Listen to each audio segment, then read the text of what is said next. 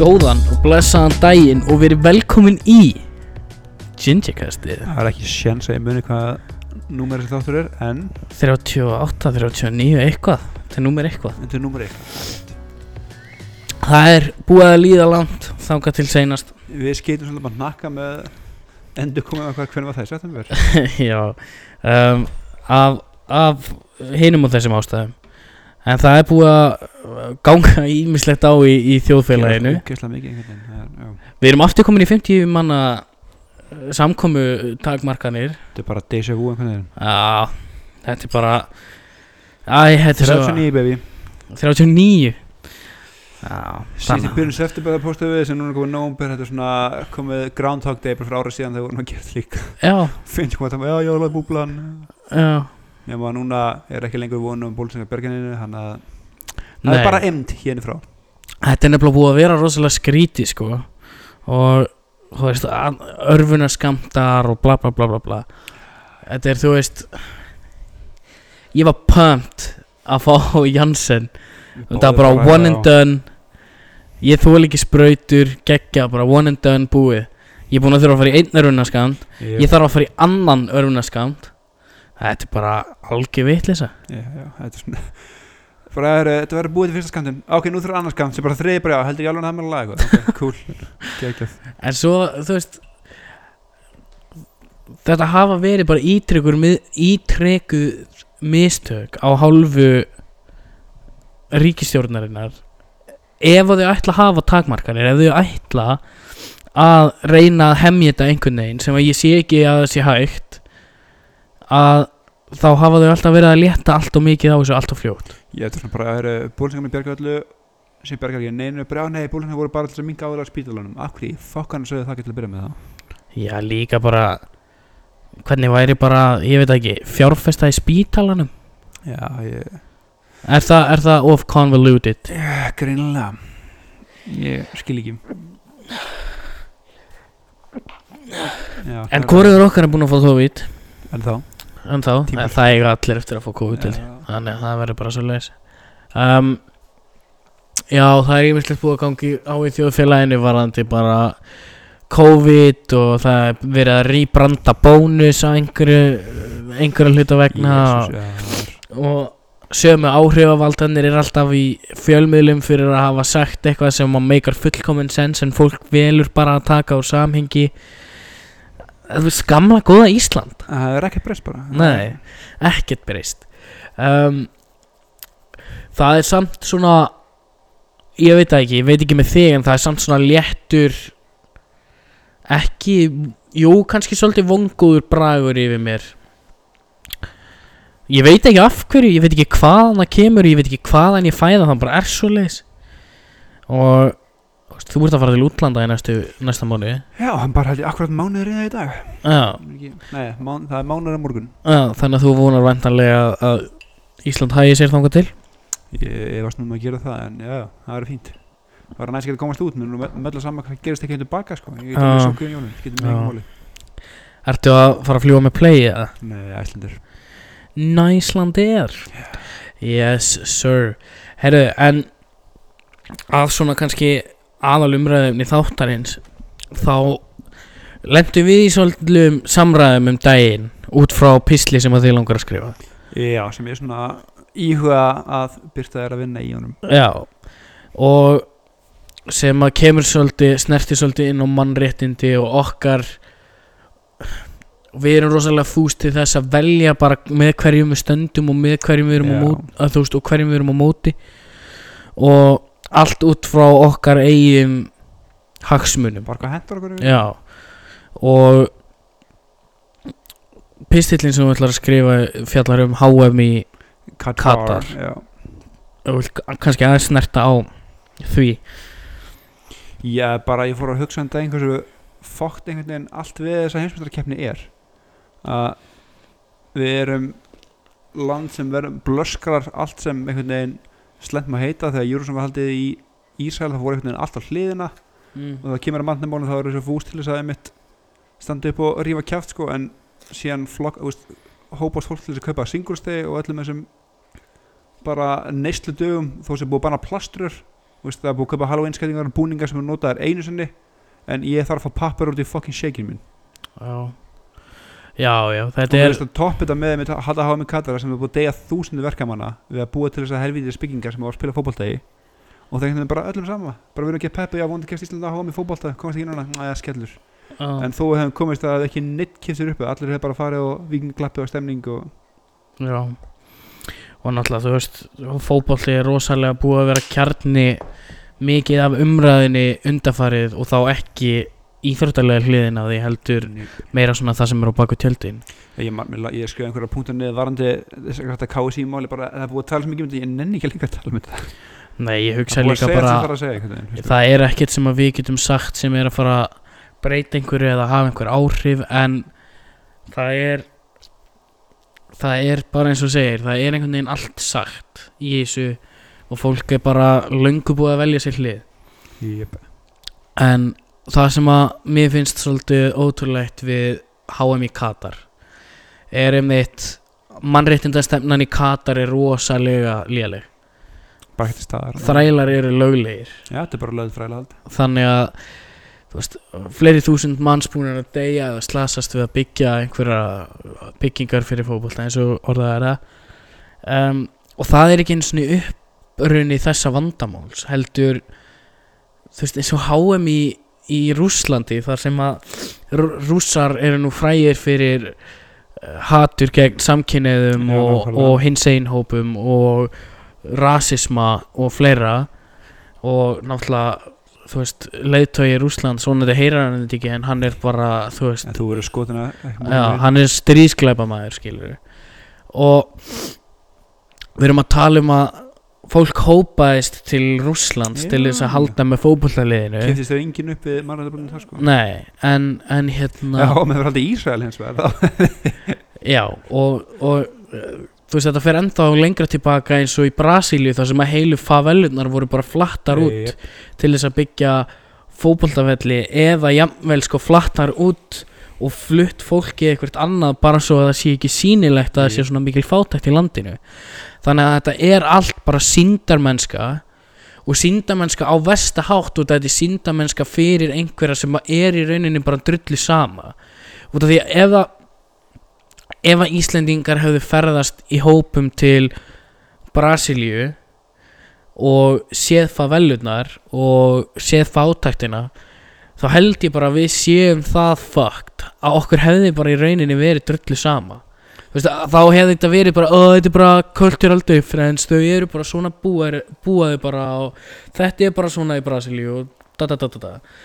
Um, og eins og með Katar þá er þetta sko á öðru leveli reyndar sko dó alveg auðvitað fullt af fólki við framkvæmdinnar í Brasilíu og örglega í Rúslandi líka.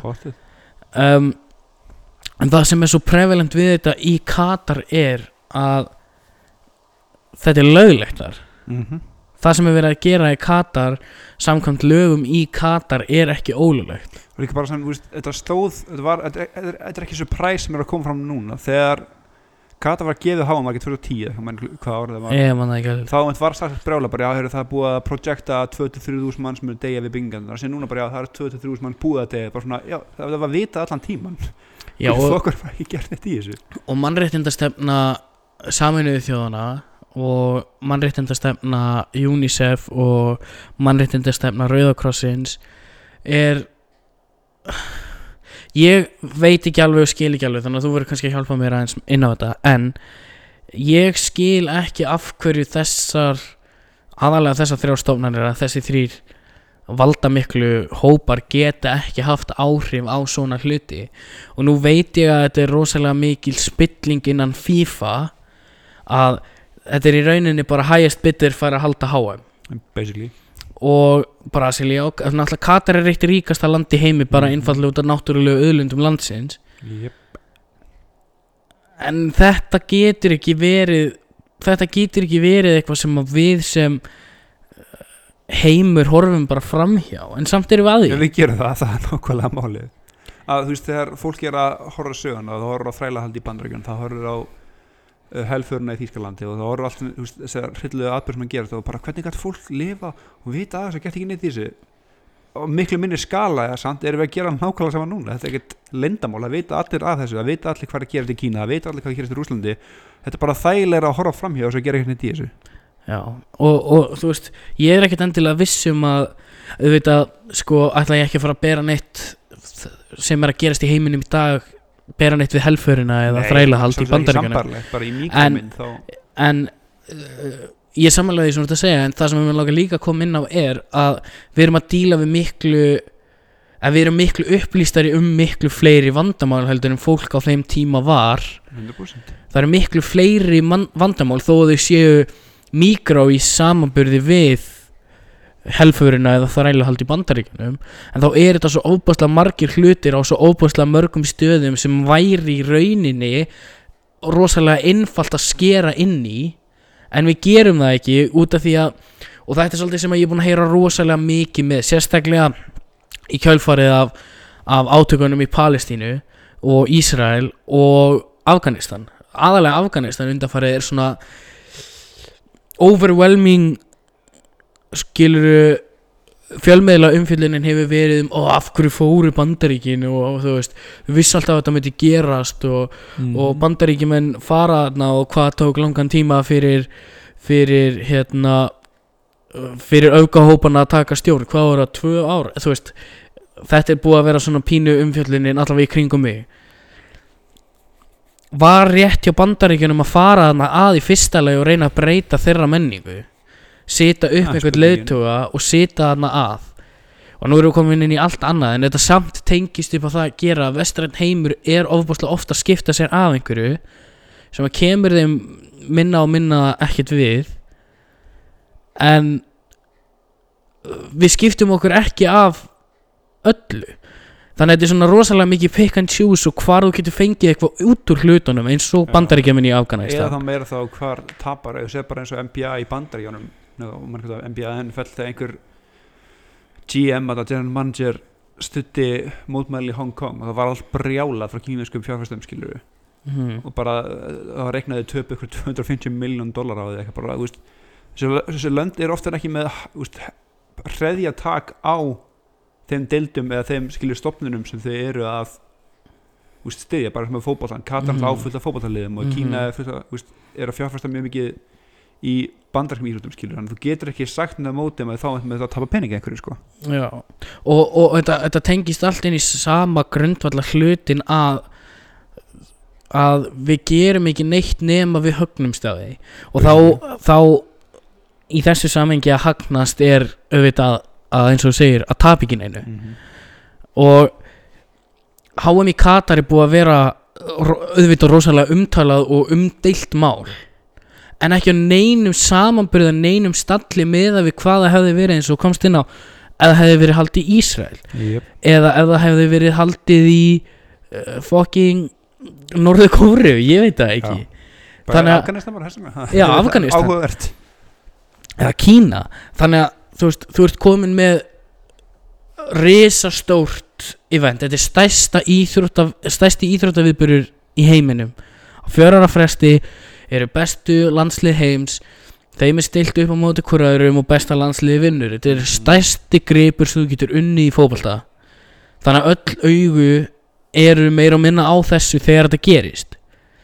En allt leiðandi upp á mótinu er eins og fólki sé bara drullu sama. Yep. og eins og við sagðum Katar er ógeislega ríkt land og komum inn á það að Katar Investment Group eða Investment Fund eiga er það ekki þeir eiga uh, PSG og þa þar eru þeirra hagsmunir að gæta skilur Mhm. í þeirra leikmunum, í þeirra fótballtaliði þar. Og þar að leiðandi er enginn til dæmis sem að spilar eða spilaði eða mun spila fyrir PSG að fara að tala á- upp á móti þessu. Sín sko. Já, og allir þessi leikmenn sem er að fara þarna þetta snýst alltaf bara um eitt komast að HM HM er bara the be all and end all. Mm þannig að það er enginn fótballtamaður að fara að segja neitt. Enginn. Af hverju ættu þeir? Ha- þeirra hagsmunir eru algjörlega faldir í því að komast á HM og eða vera ekki að valda hennum usla í fótboltaheiminum Ég var að segja bara eins og leikmennir fyrir sem eru ambassadors fyrir húst Savi, er ekki Savi held ég. Og þetta er bekkan sem eru svona fulltrúar eitthvað fyrir ham skilur við svona þetta er svo ógeðslega erfið morals dilemma bara ok, fókus eru bara á vinnuna þína sem er að representa þetta mót eða tekuru humanitarian hliðina sem enginn er að gera skilur og þetta er líka partur af þessu öllu sem, sem sem er rosalega verðt að pæla út í er hvað hvað á einhver einstaklingur að gera sem er í þessari stöðu eins og Xavi sem er núna nýráðum stjóri Barcelona að hvað á hvað ætti hann að gera? Ætti hann að setja og þegja og vinna vinnuna sína eða ætti hann að vera á móti þessu og vera bara nei ég tek ekki við þessu jobbi ég er á móti þessu bla bla bla bla bla. Auðvitað auðvitað ætti hann ekki að vera þarna auðvitað ætti hann ekki að vera að gera þetta. En þá fellur það aftur í þú veist að þetta er manneskja líka þú veist hann þarf að vinna vinnuna sína hann þarf vinnu, hann þarf innkomu hann þarf eitthvað að gera. Þetta er bara svo Jordan Lendi í á sín tíma skilur Republicans buy sneakers too. Þetta er svona ok, hvað það er raunverulega skrítið að segja það mist ekki vera rámt svar endal í þessu að þú getur varðið báða hliðar þú getur sagt nei, ég líka taka þátt í þessu af því ég er ósamála þessum mm. meðferð á skilur við vinnufólkinu en þú líka sagt bara hey, ég er ekki endilega sammála vinnuhátunum en ég er hérna að representa fótbolta og þetta Mhm. mót, ekki endilega hvað þú veist, þessi staðsning stendur fyrir sko. og líka þú veit að tala um tvo menn og nú er ég ekki að verja Xavi og Beckham og ég er heldur ekki að verja Katar og HM en við erum að tala um tvo gæja sem að voru og hafa oft talað opinskátt um það hversu mikið þeir elska leikin, elska fótbolta þannig að bara eins og með hjá Xavi þá veistu að þetta snýst um knattspinnu yep. þetta snýst um leikin, þetta snýst um menninguna hjá leikmönnum og aðdáendum og það má vel vera að mannréttindabrótin hafi bara hreinlega farið fram hjá honum þegar hann tekur við þessu jobbi skilur já, það er bara einfaldar að pæla ekki í því sko. Já, það finnst ekki mikið út í það. Og líka það sem kemur hræsnin inn í þetta sko, að þú veist, megni af leikmenn sem er að keppa sem móti spila deildum sem að er núna búið að taka hnið fyrir hvernig einsta leik til þess að mótmæla kynna fórtofum sem alltaf er marrættinda issue í sjálf, sjálfur sér. Mm en fara síðan að keppa þarna sem skilur þeir að keppa á lítrum að blóði erlenda verkamanna skilur svona, okay, hvar, þetta, þetta, er- þetta er rosa góða punktur þetta er hjá þér. síndamennska bara through and through. Þetta er rosa góða punktur hjá þér og, og, og það er svo magnað að þetta mál in itself, bara fyrir þá sem að vita um þetta mál og þekkja þetta þá er þetta svo óbáslega stúdfullt af contradictions. Mm -hmm. það er endalaust verið að gera hluti og svo akkurat bara þess vegna í sama leiknum eða tímindum setna þá ertu farin að gera akkurat öfugt við hennar hlut sem þú ætlaðir að gera eða varst byrjar á að gera. Þannig að þegar þú ert þegar að kom tilbaka enska úrvalstildin og, og, og menn voru að taka hnje og í fimm umferðir eða hvað sem það var voru menn bara með Black Lives Matter aftan á treyjunum ekki nöfnin á leikmúnunum sem að, jújú, jú, frábært dæmi. En það er eins og segir, það er síndamennska upp að því að gera að það eru leikmenn sem tilheyra þú veist minnihlutahópum í þessum deildum sem hafa hreinlega stíið upp og sagt jó, það er ekkert búið að breytast. Vilfred Saha er mjög gott dæmi leikmaður Crystal Palace. Já, Ivan Tóni líka. Ivan Tóni, leikmaður Brentford. Þeir eru bara, já, ok, takið í nýðskilun en það er ekki að breyta Nei. þetta er, það er allt ennþá eins. Og líka bara um, bara tala um fótballspillingu húst, eða bara spillingu í fótballta eins og það var Európa-dildin, úrslaleikurinn var að spila var, ekki, var Azerbaijan eða eitthvað. Mhm. Og Henrik Mkhitaryan var ráðlagt að bara mæta ekki af því að hann bara hættu út af skilur þjóðatinu sínu akkur í fokkanum er það að halda fótballleika þegar leikmenn getur ekki spilað út af leikurinn, sínu. leikurinn var haldin í Baku í Azerbaijan. Og Henrik Mkhitaryan var leikmaður Arsenal á þessum tíma. Og hann fór á leikinn sko en honum var sagt að gera það ekki. Já. sem er alveg ótrúlegt veist að, að, að leikmaður sé hættu út af því að UEFA ákvað að halda leikinn þarna með engur í gardi fyrir öryggi leikmannana eða öryggi stuðningsmanna eða öryggi li liða eða öryggi dómara eða veist, þetta er svo mikið rugg og síðan líka burt sér bara frá mitt verkafólkinu í Katar sem er stóra ástæð fyrir sig líka bara, nú veit ég ekki hvað Katar, hvernig Katar stendur á þessu með bara hljómis réttindi kvenna í þessu landi mm. Mm. ég man ekki hvort að Katar sé með það er eitthvað sem löndum sem er með mjög hörð, harða reglur á bara, veist, konu með að valla vera eina bara almanna færi veist, af hverju erum við að halda svona stórmút í löndum sem eru svo augljóslega með bara rosalega brot á það sem við teljum þannig að vestræn gildi skilur við Mhm. og líka en við komum oft inn á það bara sem manneskjur og sem þjóðfélagi inn á inn á argumentið sko hvað kemur það okkur við þú veist að við séum að uh, setja okkar hatt í hringin þegar það kemur að gildum annara menninga og annara þjóðirna og annara landa og annara heimsálfa. Að þetta sé svona þessi ég veit ekki, þú veist, þetta er kallað þú veist, ég veit ekki white cockiness eða hvað það kallast þú veist að við höfum rétt fyrir okkur að okkar leið sé besta leiðin og eina leiðin. En í þessu þá er ég bara hreinlega seldur á því að það er engin önnur leið. Að, þú veist, allir, auðvitað eiga allir að vera jafnir alveg sama frá hvaða landið þeir eru hvernig eru á litin eða hvaða kynir eru, það skiptir engum máli. En það kemur samt alltaf upp þessi punktur já ok, en eigum við þá að fara að breyta gildunum og breyta menningunni í öllum þessum löndum?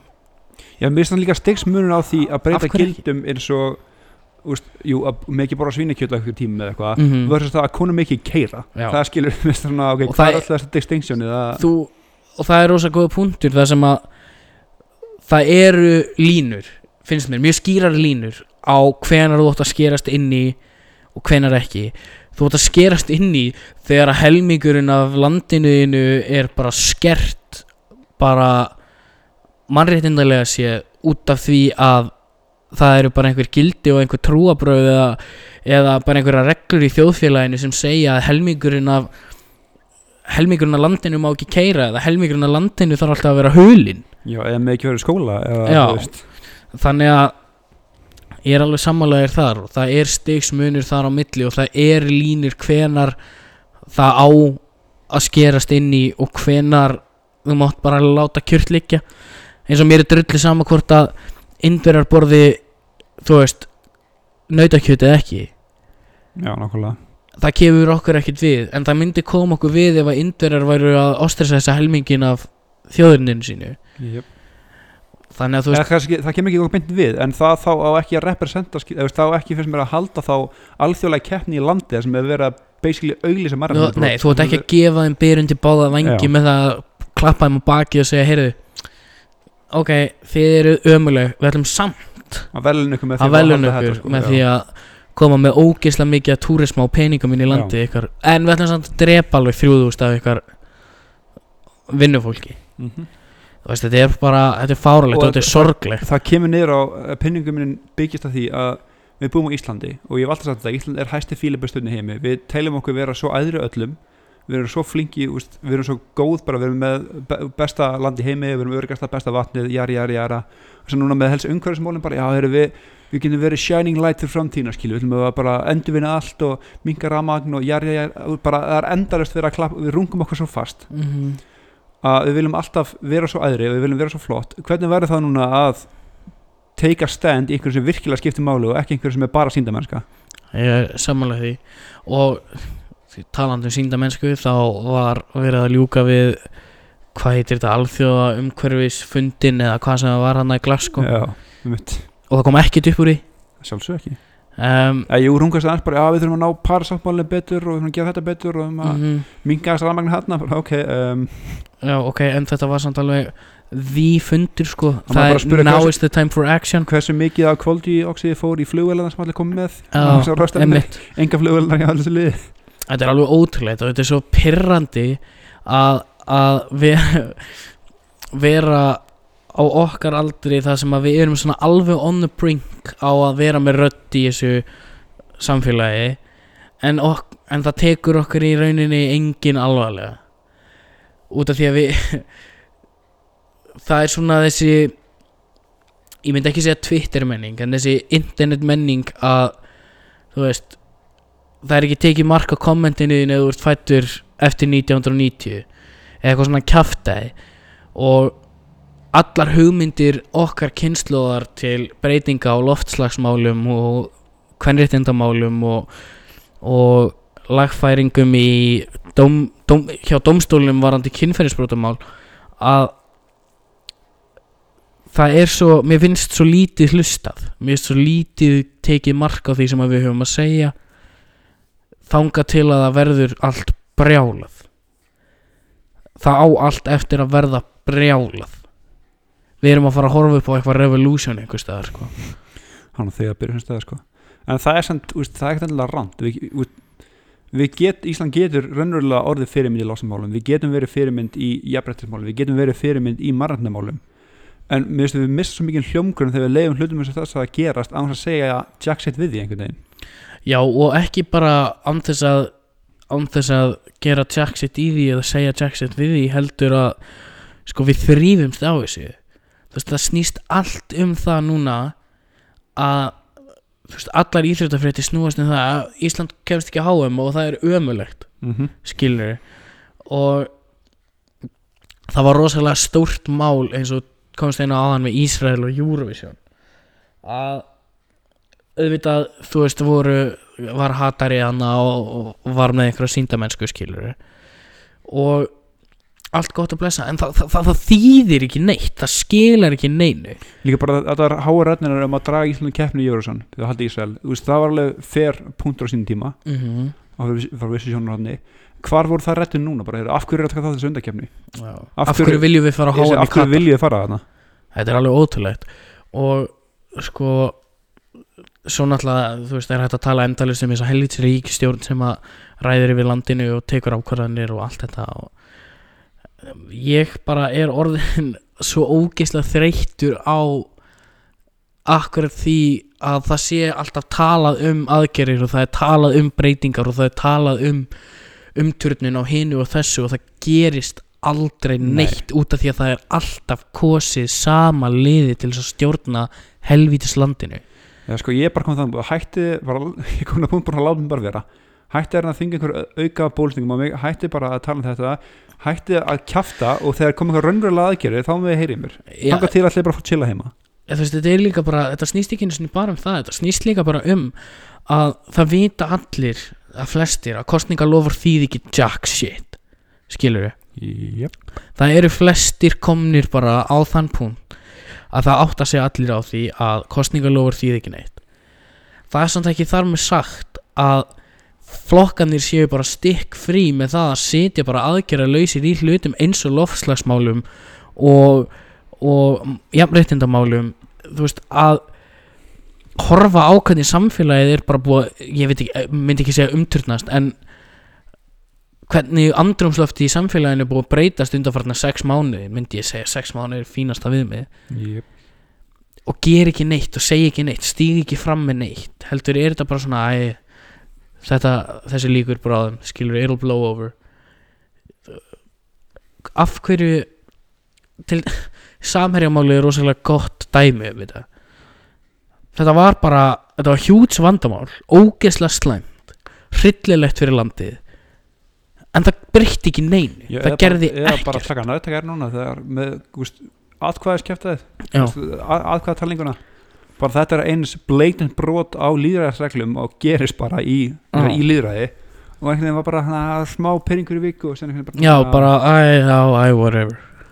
Þetta, þetta, þetta, it'll blow over. Já, Og þetta er það sem að fólk fær fyrir að kjósa í vissi íhaldið Allavega. Já mitt, eða, ég segi það bara meðan fólk leifar sér gerast, það áða ekki betra skilið. Ég er alveg sammála því og ef, ef að fólk nennir ekki og neytar að átta sig á því hvar vandamálin liggja í raun og veru þá erum við bara fucked. Við erum, Já. bara, við erum bara first. Þú- mér finnst bara, mér finnst fólk mér finnst finnst réttin á kvartíður þessu eða það er bara svona, já ok, þetta bara gerast. Akkur ger ekki neitt, jú, skrifa Twitter post, ú. Ef þú skrifa- jú, skrifaði Twitter-post hvern kaustu? Já, nákvæmlega. Á kaustu sjálfstæðisflokkin, já, flott hjá þér. sko. Flott hjá þér. Af hverju? Ég ætlum ekki að setja okkur neitt flokk hérna um, Ég er alveg tilbúin að sýtta okkur alla flokkana sko. Ég er bara jálaður Ég var svo pyrraður líka eftir kostningar en það er emni í annað. Sko, ég á bara svo lítið eftir varðandi svona hluti út af því að maður er búinn að horfa upp á svo mikið að legum og ekki bara á Íslandi sko, bara allstaðar að það er alltaf þessi fögru fínu lofurðum breytingar og ekki endilega einhverja róttakar breytingar heldur bara áherslu breytingar skilur að ok, við erum hægt að leggja áherslu á útflutning, útflutning eldsneitis og við ætlum að fara að horfa meira á hvernig við getum minkað útbreyslu koldvíóksís eða hvað sem er svo bara gerist ekki neitt. Og allt þetta ein, hver einasta lígi og hvert einasta broti lofur heggur pínu og pínu og pínu meira af mér bara í hvert skipti. Þannig ég er svolítið komin á sama punkt og þú þar sem ég er bara, fuck it. Þú veist, þetta bara, við erum bara Já, við erum bara doomed. Þetta er sko. bara, þetta er bara bara búið. fókus á sjálf þig. Gera Já. sem þú getur og allt hittu hvort það er fucked þannig að web áður gerðu eins vel og þú getur gerðu eins vel og þú þorir. Mhm. hald áfram að berjast fyrir þínum vandamálum. Uh, hitt er bara dúnd og þú veist allir þessi aktivistar allir þessi Twitter aktivistar og þú veist fólk sem fer í fjölmiðla og N4 og kjaftarum, ég veit ekki hvað. Þú veist, ég ber rosalega mikla virðingu fyrir þessu fólki sem að situr sitt andlit fram og er að berjast fyrir einhverju og er að berjast virkilega fyrir því skilur, er að berjast fyrir breytingum það bara, það skilar ekki neinu og það er svo leðilegt, það er svo sorglegt. Mhm. og maður er bara orðin svo þreyttur á því bara einhvern veginn fyrir þessu Nei, alvörunni. Og maður er búin að sjá þetta svo oft sko, þetta er svona eins og í fyrsta skipti sem þú sér hryllingsmynd, þá ertu bara eitthvað aaa, ógisla hrættur og f- felur þau undir rúmi. Þú er búin að sjá hundra hryllingsmyndir þá er allt sama shitið, þetta er alveg eins. Þú er búin að sjá allar þessar legar aftur og aftur, þú er búin að sjá spillingu, þú er búin að sjá allt þetta shit svo mikið að þetta er ekki alltaf eins alvarlegt og þér fannst þetta fyrst. Þó að það sé það, þá virkar það ekki þannig fyrir þér út af því að það er bara búið að venja þig við hlutina Jep, og það verst sem er gerast núna er að þetta er að gerast við veiruna eða bara við faraldur líka sko. fólk algjörlega, er bara ekki að það bara nennir ekki lengur að algjörlega og fólk, fólk fylgir ekki sóttvarnareglum fólk, fólk er orðið pyrrað og þreytt á því að það sé endalist verið að takmarka aðgengi að ímsum hlutum. Fólk er orðið ógeðslega þreytt á grímuskyldu sem ég skil að vissu leiti en líka bara svona að, því, að líka það, það hjálpar ekki en núna það tvisar röð er búið að kvótan kvót ljúa okkur skilur. Bara hefur bólusengin þá er þetta búið bara núna í, Mhm. eftir sumarið. Herri nei, önnur bylgja, ok, önnur skamtur cool, bætum við. Stærsta bylgja bara Já, frá upphafi eftir það bara, ok, af hverju fokkanum eigum við að trúa ykkur núna með þrið bólusengavirki við erum, af hverju við, eigum erum, að við erum búin að slá smitt með fjóru sinum á sjö dögum eða átta dögum. Já, og, og ég og þú erum með svolítið mismunandi skoðanir á, á, á bólusendingunni. Ég er ánæður með bólusendingunni að því leiti að hún virðist draga úr al alvarleika smita það er frábært en mér finnst alveg ömulegt að hún virki ekki eins og okkur var sagt að hún myndi virka. Það kemur bara catch 22 sko það er bólusengin dregur alveg smitum en þú getur ekki auglist að hún gerir bara það því annars myndi ekki fá hana, að það engin fær hana þá virkar hann ekki.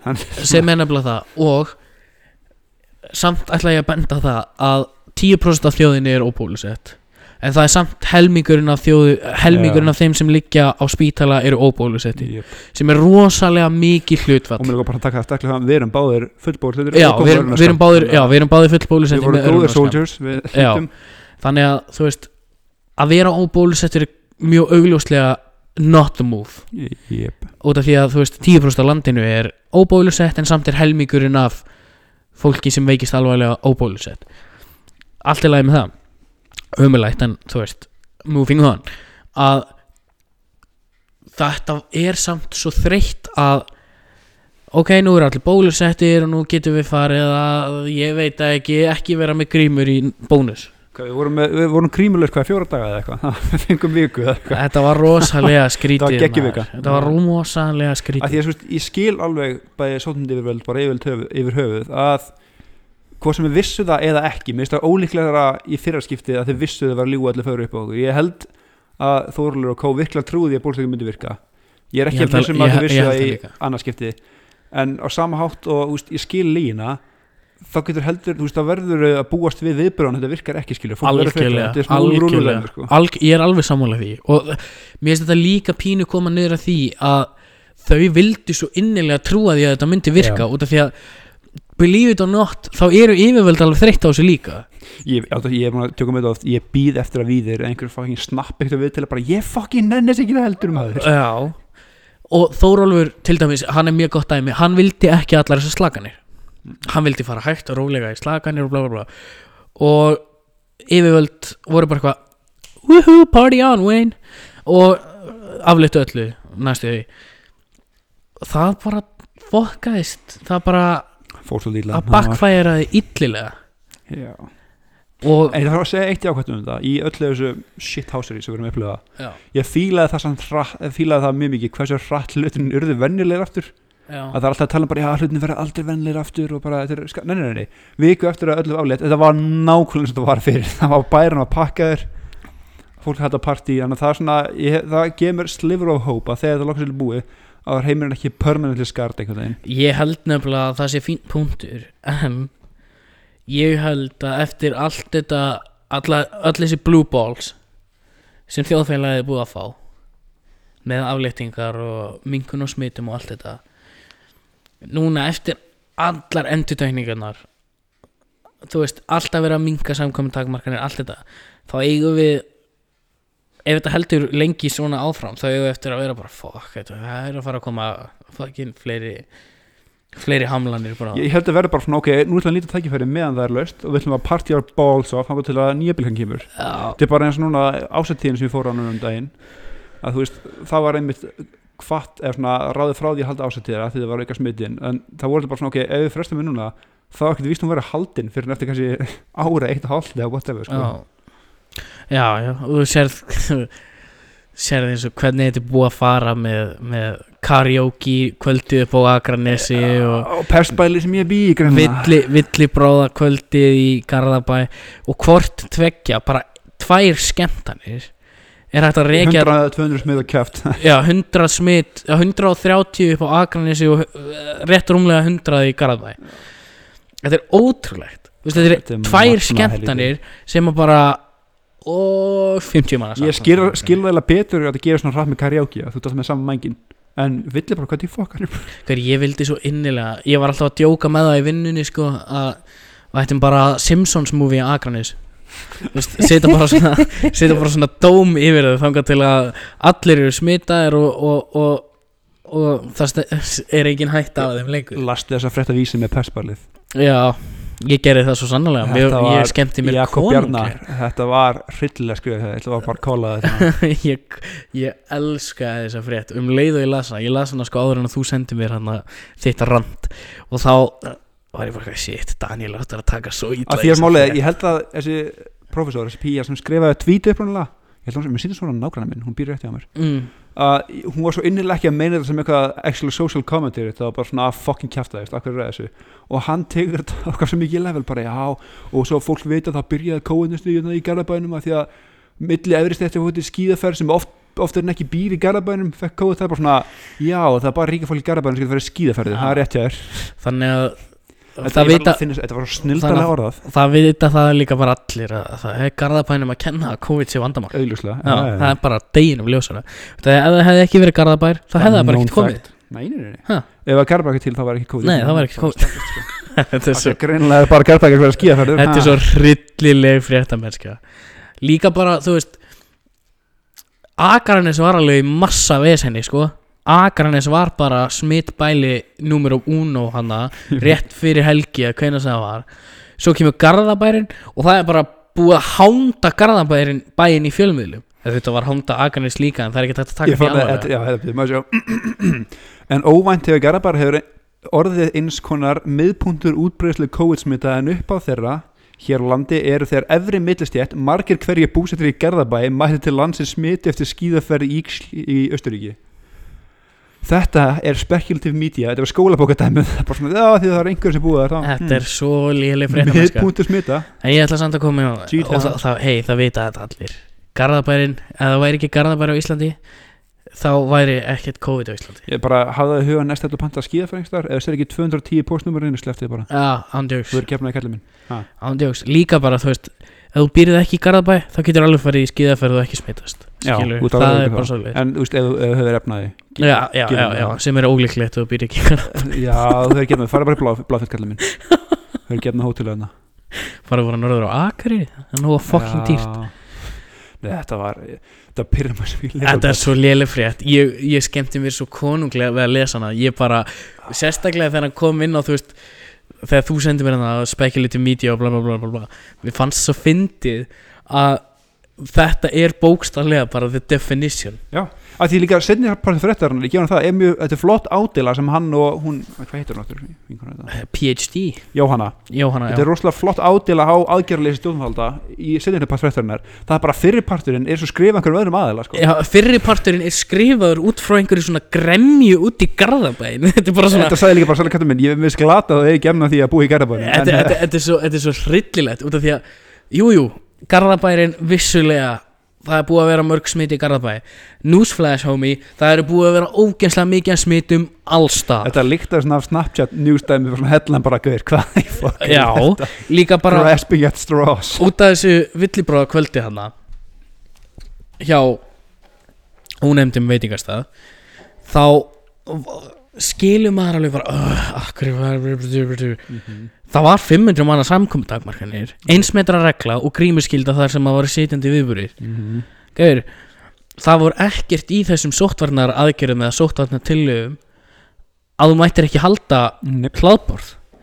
Þetta er bara á, á fólkið að sinna persónulegum sóttvarnum. Þetta sko, þessi frétt var bara og er það svoleiðis að það er bara fólk í Garðabæ sem á borði í Garðabæ. Er, er, er, það, þú býrði í Garðabæ, eru það reglunar? Það ég skrifin þann samning allan að þið fluttu Já, já, já, þannig að þú veist það eru bara Garðbæingar sem á með að borða á þessum Það er frí að fluttu hún er á leiðinni. Þannig að þetta er bara þetta er bara Garðbæingum að kenna. Nei, sko, ég þessi frétt var svona, þetta er einu skrifin fyrir ofan Já, Garðabærin er miðpuntur smita því að þið fóttu í Geneva og þetta byrjar beða að G þannig að auglastlega er þetta ekki ándjóks um, eins, fyndi, og mér finnst þessi frétt og eins fyndi og mér finnst að nutta ég upp úr þér þegar þú býrði Garðabæ og þú býrði smittbælinu og pestbælinu eins og þetta var orðað. Þá eins og við erum búin að koma inn á þetta er svo léleg fréttamennska og þetta, þetta málar svo lélega mynd. Þetta er bara eins og eitthvað propaganda. Bókstæðlega, ég var svona, ok, var, ég, ég veit ekki að segja sem ég sagði snappinu ákveðin stjórnmálumar opinskátt gegn Sutafélagi, þetta hljómaði svo hún hefði komast í. Já. En, þetta er, en þetta er líka svo þetta er líka svo skrítið að pikka þetta út á, þetta er næstuði bara persónlega árás þetta á svona, af, hverju þurftu að skrifa þetta, það var engin þörf á Nei, þetta er bara persónlega árás á garðbæinga og persónlega árás á þá sem hafa efni á því að vera í skíðaferðir Ja, Mér finnst það bara, þetta var svona fyndið, þetta var svona gauður, hvað er þetta? Já, þetta var svolítið, þetta var svolítið mögnuð fréttamennska En svo er líka bara á fleiri stöðum er bara þú að búið að þurfa að loka grunnskólum og, og hérna það er alls konar aðgerir sem hafa verið teknar og ákvarðanir sem hafa verið teknar sem að þú veist, eru nefndar einu sinni í blöðunum eða þú veist, einu sinni á vísi og það er bara þannig.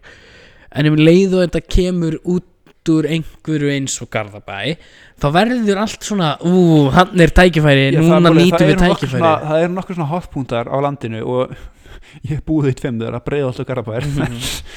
en það er svo auðvelt að neymdropa það í svona fréttum sko ekki eftir árbæni, það er öllum dröld saman Já, gott að íta svona á þess að takka því að þar færðu klikkinu sko. Ég hef oft sendt þar alltaf dagbúk lögur alltaf á mótnana að vísi Það var alltaf bara, já, aukumæður var stöðvaður á háhraða í hverju 110 og hann var í 103 innbrot og sem var einhver stungin í breiðholti svona, Mhm. ok, hvar var 111 hann vinnur? Já En þú veist, þetta er En þetta eru bara fjölmiðlar sem að er og fyrir þá sem lesa fjölmiðlar sem ég gerir ráð fyrir að séu flestir að þá er þetta rosalega oft svona að það eru bara vissir hlutir sem að fá klikk. Það eru vissir hlutir sem að fólk vill lesa sem að uppfyllir þeirra notion af einhverju í heiminum eins og það að breiðholtið sé bara stungubæli. Já, sem var enough einhvern stungin fyrir hann haka upp í að það var það var nú reyndar alveg ótrúlegt í öllu þessu fjölmiðla fári um hvað Garðabærin er mikið pestbæli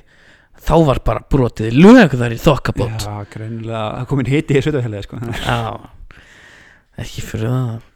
Breiðhildingur sem að flutti hann inn.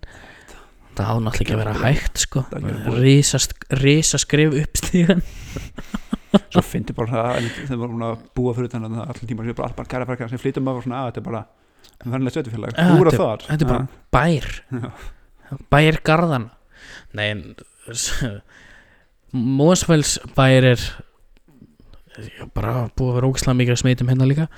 En sem sagt uh, bæjarstjóri Mósfellsbæðar sem er ottviti sjálfstæðisflokksins í norð vestur kjördæmi hann ætlar að stíga niður. Hann ætlar ekki að gefa kost á sér. Næst í bæjarstjórnarkostningum ok. Hann gaf þetta út sem eitthvað statement sko.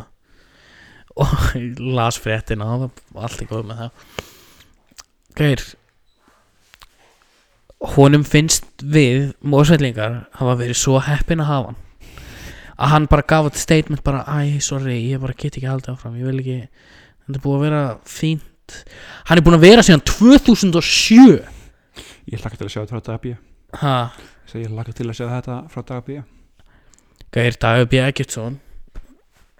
Ég bý ekki svo lengi í sveitufélaginu eða borginu sem hann stýrir samfélkinga meistari samfélkingin er alls ekki alls ekki uh, það versta sko. En hvað B. Bro hvað ertu að gera? Hvað, bara, og nú er ég ekki svona, þú veist Dagur B. Eggertsson gerði eitthvað asnalegt hei Dagur, hvað ertu að gera ég er bókstæðlega að spurja, Dagur minn hvað ertu að gera hvað ertu að, hvað er í gangi í sveitafélaginu hann er að passa 101, 5 og 7 sína menn Nei, þú veist, ég er í álfurinn að pæla Hvað er hann búinn að vera að gera? Hvað er að gerast í Reykjavík? Út af því að I don't know borgarlína það er þé- þétting byggða sko það það virðast allir búinir í bæ þannig að skulum ekki byggja nýtt og skulum bæða við þannig þegar til. Já, ég fæ bara hroll, sko. Þetta þetta er svo, þetta er svo Þetta er svo fokkin þreytandi dæmi. Ég líka, ég var að horfa á skipulagsfund þar sem var að kynna ný hverfi það sem byggist nýja skerjafyrðinum og höfðu á það skilur að vera að Mm. kynna ný hverfi, það lúka mjög flott sko, Það en allir tímar þegar ég hugsaði bara svona ok, hvar nákvæmlega eru ódýru húsnæðin sem eru mestu eftirspurt núna fyrir Mhm. fyrstu kaupendur og mm Nei, líka bara eins og hérna uh, Rifrildið fræga um flugvöllin það ég- svo er mér að pyrra, að þið bara já, þetta er fullt af plássi þetta verður svo góð, góð stað fyrir ódýrt húsnæði. Hver trúi því að húsnæði þarna væri ódýrt? Það er að fyrsta lagi aldrei að fara að vera ódýrt húsnæði skoðaði valsreitin, er eitthvað svo ódýrt það? Shit, sko. Hann að hlýða, hvað heitir þetta? Hlýða Hlýðarenda hverfið þarna? ég veit eitthvað Bara hræðilegt. Ógeðslega dýrar íbúðir. Og stúdenta íbúðir hm. uh, Hérna Ég ætla bara að fá að segja eitt Varandi flugvöll Er það Ef að Reykjavík væri Ef það væri verið að byggja Reykjavík núna Það myndi þessi flugvöllur aldrei vera þarna. Þú veist, hann myndi ekki vera þarna Ef að þetta er bara Mjög velnöðun fært Þú byggir ekki flugvöll í íbúðahúsnæði Eða íbúðahverfi. Hverfi, já. Það er, bara, það er bara well known fact. Mér finnst bara stafsningin make a sense upp á spítalan Það er einu rögin sem ég hef sko. Málega er nefnilega það. Ef þú værir að byggja Reykjavík núna þá myndir aldrei hafa flugvöllin að En flugvöllin er aðna Það er búið að byggja Reykjavík. Flugvöllin er aðna Landsbytalinn er hinum megin við götuna yep. Má flugvöllin ekki bara vera þarna? Ég segi, mér finnst það bara, mér finnst það mikið sem ég segi bara sjúkraflug að hafa bara flugvöldi hliðin á langar flytjum út á hraunskilun að ef þú er brýtur aðeins bakið klukkan fjörum dag þá þú býðið 40 mínútur í umferð til þess að komast inn á spítalan Og svo önnur spurning Þangað sem þú ætlar að flytja flugvöllin Hvernig væri að byggja bara íbúðahúsnæði þar? Ég var að skoða Reykjavík og bara landsveð sem þetta bæ, bæra á það vantar ekkert land það er bara veginn þétting byggðar gengur fyrir. Þetta, já, út af því að það vilja allir búi í 101 mm -hmm. Ég veit ekki sá hvað ég er að pitcha þessi ég bý ekki Nei, ég bý ekki, ég bý ekki einu sinni annað En þú veist, einhvern tímann þarf ég að fara að kaupa mér íbúð Eða kaupa mér húsnæði. Og ef að, ef að Reykjavíkur borg ætlar bara að byggja ofan á 101 og 107 og 105 og 102 hvað sem að fokkanum það er. Það er ekki bara flugvöldin ég held að það sé legit bara Jó. Að þá þú veist það er enginn að fara að geta borgað fyrir allar þessar íbúðir. Er, fólk er að fara að kaupa þessar íbúðir, jú, jú. Það er ekkert fólk eins og ég og þú sko. Nei, líka segja bara eins og í breiðaltunni aðstæðan til eins og blokkið sem mamman bjóði þá var byggjað tvær hæðir ofan á hana sko. Af hverju? ég veit það ekki. Og líka þá að rífa hann garða þeim að það, veist, þann kjarna byggja blokk þar, mér finnst það alveg mega sens. Já, já, og í Arnabakkanum sem Æsland er þá að rífa það og byggja blokkir aftur, mér finnst það mega sens. Auðvitað. Íbúður sko. Auðvitað. En, en, að en byggja ofan á príksiti blokkir af hverju? Æ, það er líka fullt það er til ógislega mikið að landsvæða. Fólk er alltaf eitthvað við þurfum að, við þurfum að stækka brr." sko Kópavóður til dæmis á viðbjóðslegt landsvæði. Mm -hmm. Granted, mjög mikið af því er Hraun, hraun já. og, og hérna og þjóðgarður Mm -hmm. þeir þeir eru bara smá, ég held að það er part af heimörk eða eitthvað, ég meina þeir eiga uh, Kópavóður er meira og minna heiðmörk líka sko þú veist heiðmörk er alveg já, sem, þar þeir Já, það er alveg part- 30% af heiðmörkinni er Já. Í Kópavogi sko. Þeim garða bara eitthvað smá að reykja ekki á megni að. Já, þannig að þú byggir ekki þar, lagi. En það er samt svo mikið af landsvæði ég veit að það, er samt var surprising því að skoða hvað Kóp- með þessu Kópavóður áttu minnsta landi að reykja í Kópavói og Garba að eitthvað sko En Kópavogur er líklegastur til þess að actually gera eitthvað. Já, mega það. Þú veist, Reykjavík borg er bara eitthvað. Ú, hérna er 5 fermetrar best að reysa blokk. En ég sér bara svona Kópavóður að gera með smára hverju sko, hann er kringum smárlendina þeir eru að reyna að þétta svo að geta árið fara út í þessa erfiðurhangandi sem er basically hreina það sko. En, En hvað það er óhefnt í hverfi. Já, en hefur séð íbúðaverði ó já, Ég hef aldrei séð Ég hef dýra íbúð og var í hann að Það er blokk alveg við smáralind. Þetta er ógeðslega flott blokk. Ok. Mér finnst hún Ég flott sko. Mér finnst hún flott. Þetta er hræðileg staðsetning. En mér finnst það flott blokk að horfa á hana utan Stærsta íbúðin í þessari blokk kostaði 144 miljónir Ég ætla að segja það sko að þegar við Marja vorum að kaupa Garabæin við keftum Garabæin, við eigum hann núna bæði. Við kaupa íbúin okkar. Egið þetta pestbæli þegar við vorum að kaupa blokkinu þar eh, eða íbúinu þar, þá vorum við að skoða í meðal þessi smarkarna því að við viljum kaupa í Kóbói eða Garabæ og það er bara svo að lítið frambúi í Kóbóinu mm, að ég við mistum einn rosalega en síðan voru að skoða smarkarna bara ganni bara akkur ekki? Við skoðum líka urðaholtið og hlýðaranda hverju sko. Ó, en það var bara, það er stúdíó íbúð, bókstæð stúdíó íbúð það er ekki í Sefnbergi er ég að 40 miljón mm Þetta er fokkin drukki ja. Þetta er Og þetta er bara vestnum núna og gæði sem er að vinna með nafnum mér Svipaðum aldrei við. Hann og kæðan endur að kaupa sér í fósóðinu sko, En mm þau voru að skoða þetta og hann sagði bara þeir, Það var svona einsefnbergja Man ekki að var Það var einsefnbergja á 50 eða eitthvað svona, að, Tímdi ekki alveg. En það var byggja nýja blokkur hliðina Hann ætlaði bara að skoða hana þegar hún var tilbúin. Það var einsefnbergja á 60 Bara svona það hækkaði, þetta minkaði íbúin og hækkaði verið fuck? Þetta er alveg ótrúlegt sko. Ég sá, ég var að skoða um daginn og það var svona project íbúð. Í einhverjum kjallara Þetta var blokk, gömul blokk sko Í hafnafyrinum Og það var svona kjallara íbúð Sem að var samt alveg 100 fermetrar. Já.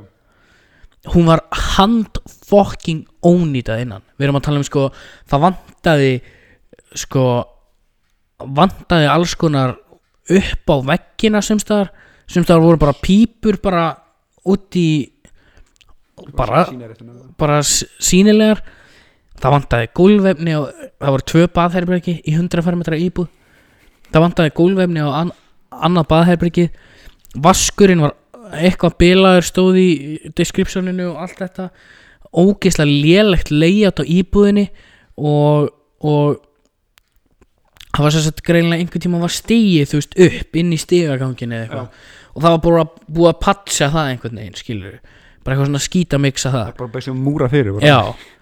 Íbúðin kostaði 48 miljónir ég er að sjá það núna bara ítrekað að íbúið sem er bara nákvæmlega stóra mín bara 55-60 fermetra í Sefnbyrgi ég er bara að fara 40-45 miljonir hvaða bílun er það? ég, gef, ég gef þessari íbúð það að hún var stór.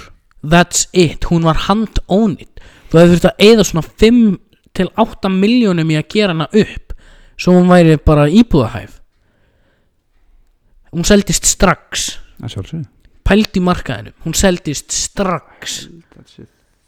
Ég er bara að sá uh, ógeðslega cool íbúið en verðið hann var bara glæpsamlegt sko. það er fokkin íbúður hann niðri við það sem að Grand nei, það sem að hérna, Fosshotelli er niðri í bæja þar. Já, það eru íbúður í blokk þar við hliðina á sem er alveg geggjaðar íbúður þetta er svona alveg augljóslega svona bara the richie rich geta keift þarna sko.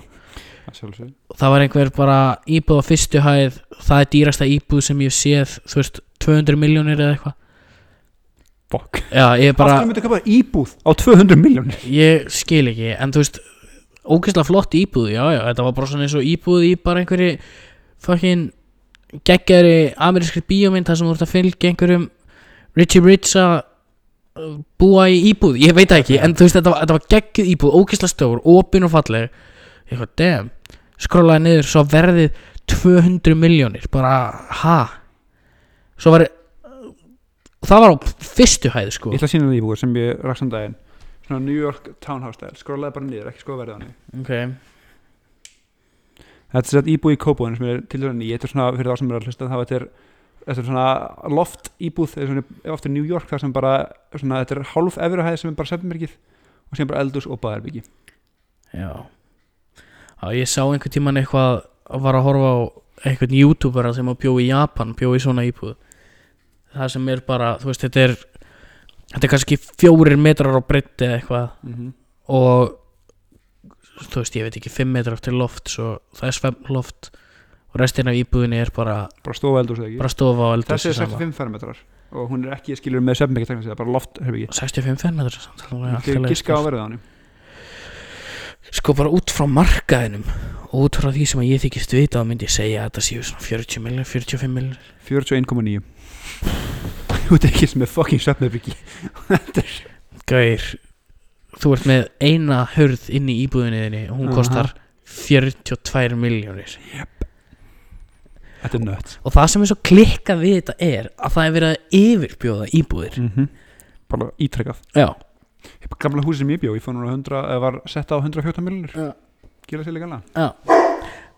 Og netaði vöknuð. Er alveg um, við erum að sjá það líka þú veist að íbúðir sem að kosta þú veist eru ásettar af 49 er að fara á 51 skilur eitthvað svona fucking rugg aftur og aftur og aftur og aftur er verið að yfirbjóða og ofbjóða.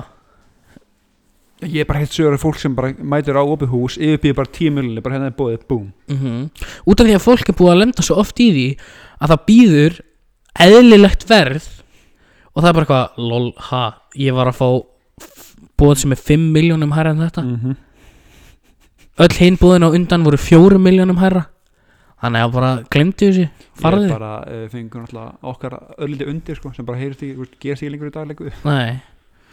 Nefnir líka eins og Procura er ógeðslega gott túl í fastegnamarkaðinu Pro, Procura.is fyrir það sem að vita ekki. Þá getur þú slegið inn götuheiti og basically fengið raunhæft hvað þú myndir já. fá fyrir Ég man íbúðina nefnilega, það er ekki mjög langt sér þú fórst að prókúra og þú veist ofmat. Það er mjög mægst að segja bara, nei þú fær ekki svona hátt. Núna er þetta bara raunverulegt sko. spot on. Já. út af því að ég tók svona Procura um daginn og bara öll götu heiti bara allstar það sem ég vissi að einhver sem ég þekkti bjó stemplaði það inn. Gauir, my people be rich.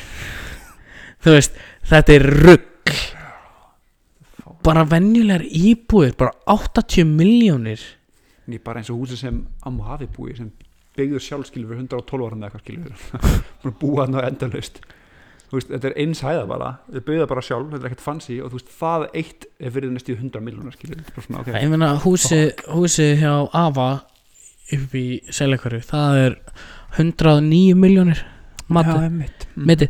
Og þú voru náttúrulega komið í þetta hús þetta er ekki hús, ein hæð, rosa Mhm. flott stört, allt í lagi 110 miljónir næstu nei, veistu Ertu ekki spenntur að fara út af? Gæri, ég get ekki beðið ég persónlega, sko, ég bara get ekki beðið en líka bara bara venjuleg íbúð sko, íbúðin sem við byggum í í seljakverðinu fór á sölu aftur um daginn búið að gera hann upp, var orðin ógislega flott sko hún var orðin 10 miljónum svolítið. þetta er bara þetta er bara þetta vitleis er svona næsti bara, heyrðu, maður hefði ekki bara selja íbúin okkar fættu Danmörku, köfum bara Mhm. skilur svona, sem er að kontrólverði og sem getur byggð eftir að markaðan krassi hérna og það sem nefnilega svo magna við þetta er að þetta er ekki neinu samræfi við neitt, við neitt sem er í gangi í kringum okkur Nei. þessi hækkun það bara, þetta er, þetta er eins einföld hagfröði og hægt er að vera það er ógeðslega mikil eftirspönn og lítið frambóð Já, allt og allt og allt og lítið frambúð yep. Og það verðist ekki alltaf að koma mikið framboð. Þetta byggst, Stefán, þetta er ekki flókið sko. Þetta byggð í Ég Reykjavík elskaði þegar þegar Dagur fór um að bara, já, ég veit að það er úrslega erið að marka en horfðu tölfræðilega núna sísta við erum að byggja miklu meiri, fleiri íbúir en ára undan, ég bara sá, það er samt ekki nóg. Það er ekki nóg. Og sko öll þessi fokkin þó þú skist í því síðast, það að skýta gólfið er ekki endilega bæting, þú komið Nei. læri klostinu en það er ekki endilega Nei, þessi á, komið ándjóks og líka öll þessi verktakafyrirtæki þau eru alltaf uppbókuð þau eru alltaf á fullu en það verðist ekkert vera að gerast. Ég er bara næstu á, okkur köpum ekki bara húsið það úr landi ykkur Nei, fyrir sko, sama verkið ég kefum bara einbils og segið fyrir ég var ándjóks að fæli að kaupa mér í vógunum ó, ég mandi því. Já, bara út af því að það var á reasonable verði það var ekkert það að langt í burtu hugsaður, maður var farin í þessar pælingar. Það er bara 40 myndir í bæinn. Bara fyrir sem Já. minnir mér að mamma skilur selur íbúið í bregðaltunni köpur sér bara raðhús að selfossi. Mm bara mjög næs, þryggja tvekk, þryggja sem ekki raðhús. -hmm. bara ég myndi að ferðast lengra hvað það fara flott Ég reyndar sko fór og ég gerði svona social experiment um daginn fór á fastegni.is og leita sérst allar öll fjölbíli og einbíli undir 40 miljónum það var ekki mikið í hvað var það var ekki mikið í náttúrulega ég var með inn í þessu alla landsbyðina Já. þannig að það var alveg einhver 100 fermetra hús á fáskursfyrði skilur fyrir Já. 12 miljónir Það eru 12 miljonar. Við borgum þér þetta þetta, please. Já, please, vildu please búið hérna? Já, ég, þú veist, þetta er Ég manns að þú veist, þegar ég kaupi þá er svona þá er mjög mikill fjöldi í kringum 37 til 40 Núna er það bara komið upp í 40-43 skilur Það er bara búið að Já, þú serð á Procura sko hversu mikil hækkun er búin að vera á senustu 12 mánuðum, Já. senustu 36 mánuðum og senustu 30 dögum. Ég meina fastegna maður hækkaðan 3 miljonir Já. Þegar við kiptum hana á þannig núna sko. Og það er alltaf græn ör upp á við. Já, fuck that shit. Þetta er búið að vera mjög depressing uh, þáttur af Gingerkastinu Ef að flytja saman á Bólingavík Ég segi að flytja saman á Bólingavík eða eitthvað. Já, já, ég þekki hvað fólk á Bólingavík og bara græjum þetta. það sem er ljóslegari og ódýð húsnæði. Við græjum þetta maður. Fucking stutt á Ísafjörð samt ekki. En eins og ég var alveg já, við skoðum það alveg úst, harlega að fara á flytja bara hverja gerir sko. Já, ég Það skil er- það mjög vel sko. Ég meina besta, það er bara úrslýrt líka núna. besta vinkona mömmu býr á blablabla, besta vinkona mömmu býr í hveragerði frænka mín býr á Þoralóksum Þú veist uh, En þessi stæðir er bara dýr líka. 100 km radíus í Reykjavík er bara orðið rándýrt með hvernig það var Akranes að segja. Þetta var svona, ok, þú veist búið í ágættir íbúið Reykjavík ég kefti geggjahús einhvers staðar rétt fyrir Reykjavík. Núna er það bara Já, núna er það, þú getur keift þér stúdíó íbúð í Reykjavík eða einsvefn herbyggja íbúð í hveragerði. Give or take. Mm -hmm. Fyrir 40 miljónir fyrir 40 miljonir það er svo fokk bílpenningur Já, þetta er heldur við búið að vera depressing þáttur á Í litla kompakið maður. Já, comeback bara alltaf drullir allt með að gera svona dip aftur í fjórum múni Já maður. Nei, nei, við ætlum að reyna að vera duglegir að, að upplóta og sjáum bara hvernig það gengur. Um, við lofum ekki, við viljum ekki lofa bérum við erum ekki heilbrigðstegið völd Nei. Hú, We getting We getting political Já, þú segir það. Herru, plata vikunar, ertu með eitthvað? þögn, nei, ég veit það ekki. Um, Ég ætla að henda í Pure Heroin með Lord. Ú, Já, góð plata sko. Hvað hvaðan kom þessi? 2013 throwback sko. Pure Heroin, Lord. Sætti eitthvað við það? Ég held að minn bói Amon hafi verið að droppa niður í plötu. Já, ekki. How do you live? Með Amon Tobin Yes sir. Það eru Changecast plötur vikunar Við tölum ekki, ekki, ekki neitt með þess að nýjum tattúin okkar. Nei, við gerum það ekki. Ég er með tattoo af Ulfi Rar. og ég er með fjall á hendinni. Sem er aðra neika því að hendi mín er prigg Já, hvernig, hvernig hljóð gera fjöll? Mm, true. Herðu, þetta var þáttur 39 af Því hvernig Changecast hljóð gera fjöll hvað er ekki The Mountain í Game of Thrones með eitthvað svona catchphrase? Ég, eitthvað, ég, ég veit ekki, hann gerði yfirleitt bara eitthvað svona það sað aldrei það. Sagði hann einhvern tímann eitthvað? Nei, nei, hann var bara Ég meina, helmingurinn af Game of Thrones var hann bara zombie, sko. Þannig að hann var meira svona Þetta var missed opportunity, það var með catchphrase það er sagt það Já, já já, það er búið. Þetta var þáttur 39 af já, já. Þakka ykkur kærlega fyrir að hlusta. Og ég er eins bærlega dag að það getið